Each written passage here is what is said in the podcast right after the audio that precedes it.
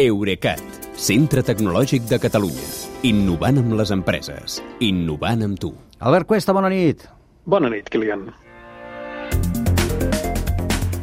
Avui ha començat a la Fira de Barcelona l'Integrated Systems Europe, que és la principal fira mundial de material audiovisual professional.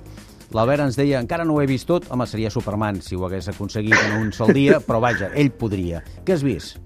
Tornaré, eh? Tornaré Ja, demà ja, i tornaré ja. demà passat com a mínim i si trobem, una, si trobem una estona us explicaré més coses. Uh, aviam, això és un saló que té més de 800 expositors, uh, que n'hi ha 100 que són d'aquí, uh, que ocupen 5 pavellons i esperen uns 50.000 visitants per ensenyar-los tot allò que se'ls acudeixi relacionat amb imatge i so per a espectacles en directe, instal·lacions multimèdia, eh, cartelleria digital, televisió corporativa i altres àmbits tan específics com l'equipament per residències de luxe i superiots. Eh, I hi ha el repicó de dos congressos complementaris, que és el tradicional ja de la internet de les coses i el de ciberseguretat. Tu hi has estat eh, avui i tornaràs demà i demà passat i més dies fossin, també hi tornaries. Deus Mm. haver-te tipat de veure pantalles i escoltar altaveus. Sí, aviam, no ho he vist tot, però la pantalla més espectacular que he vist és una Samsung que té tecnologia microLED i que es pot configurar amb la mida i la forma que vulguis. Dir que no, ha de- no ha de ser 3x4 ni 16x9, vull dir que la pots fer irregular.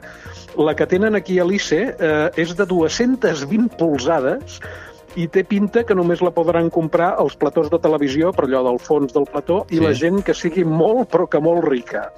Uh, el que també hi ha après a l'ICE avui és que les pantalles professionals poden semblar com un televisor de casa, però no ho són. Uh, per exemple, uh, si són en un, un aparador, s'han de poder veure bé a ple sol i aguantar també uh, doncs tot això, la solellada. Eh, o es poden integrar amb un punt de càrrega per cotxes elèctrics.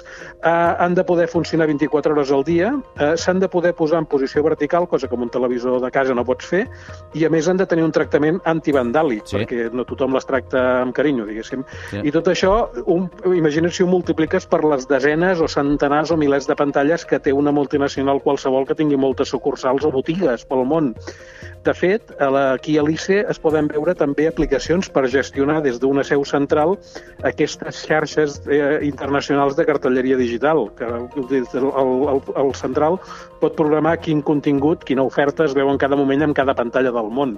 I també hi ha instal·lacions per la producció corporativa de tot aquest contingut. Eh, vull dir, una empresa que, vull dir, que té càmeres, que té micròfons, que té un plató que ha il·luminat i, a més a més, té servidors multimèdia i controladors de streaming. Um, això que dic de la cartelleria digital, uh, de fet, és un dels segments que ha crescut més d'aquesta indústria, perquè durant la pandèmia recordareu que es van instal·lar moltes pantalles d'informació sanitària al públic i també aquelles que eh, a les botigues indicaven el nivell d'ocupació per regular l'accés de clients, els semàfors aquells de si pots entrar o no al supermercat. Doncs ara els restaurants i les botigues eh, instal·len pantalles per millorar l'experiència del consumidor amb la comanda, en el consum i el pagament d'aquests clients que tornen a sortir de casa després de mesos demanant menjar a domicili.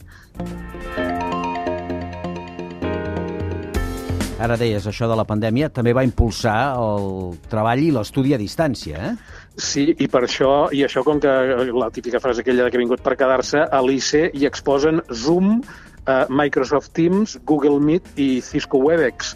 I també marques com Logitech o Shure o Sennheiser o Audiotècnica Sony i Panasonic, que són les que ofereixen les càmeres, els micròfons i els altaveus que calen per fer sessions laborals o formatives amb més qualitat i flexibilitat que la que et dona un ordinador personal o un telèfon mòbil. I aquí a l'ICE també hi ha, claríssim, segur, equipaments d'àudio, que és una part que ja entendràs que a nosaltres ens interessa bastant, eh? Sí, sí. Uh, i, i, aviam, uh, hi ha equipaments d'àudio tant per concert en directe com per instal·lacions de megafonia en locals públics o en habitacions d'hotel i també en domicilis de gamma alta, vull dir, aquests que altaveus de qualitat que es poden quedar encastats a la, a la paret, diguéssim. Uh, aviam, en general m'ha cridat l'atenció pel que he vist que el so eh, que és habitualment el parent pobre de les instal·lacions audiovisuals, eh, sembla que guanya importància. I és que, eh, aviam, amb el nivell de qualitat visual que ja tenen les experiències aquestes immersives i els espectacles de producció de gran format, Per cert, aquests dies els oients poden, poden veure com es veu a la façana de la Casa Batlló, al Passeig de Gràcia, o a la façana del recinte de Montjuïc de la Fira, a la plaça Espanya. Doncs jo crec que els espectadors ara ja han començat a demanar-se si eh, també, eh, eh, a més de veure les co una coses molt xules, també s'entén bé allò que està explicant el locutor o eh, si s'escolten bé els anuncis de l'estadi o també la megafonia de l'aeroport, per dir sí. tres aplicacions concretes. Pel que fa a allò que explica el locutor, la ràdio sabeu que aquí ho intentem explicar fantàsticament. Eh... I, I els nostres tècnics fan que ens que l'arribi a les orelles dels oients amb tota la qualitat que poden. Sí, sí, perquè és una feina d'equip, això. Demà hi tornarem, els tècnics i nosaltres, i l'ICE i tot plegat. Que vagi bé, Albert. Fins demà, Kilian, bona nit. Eurecat, centre tecnològic de Catalunya. Innovant amb les empreses. Innovant amb tu.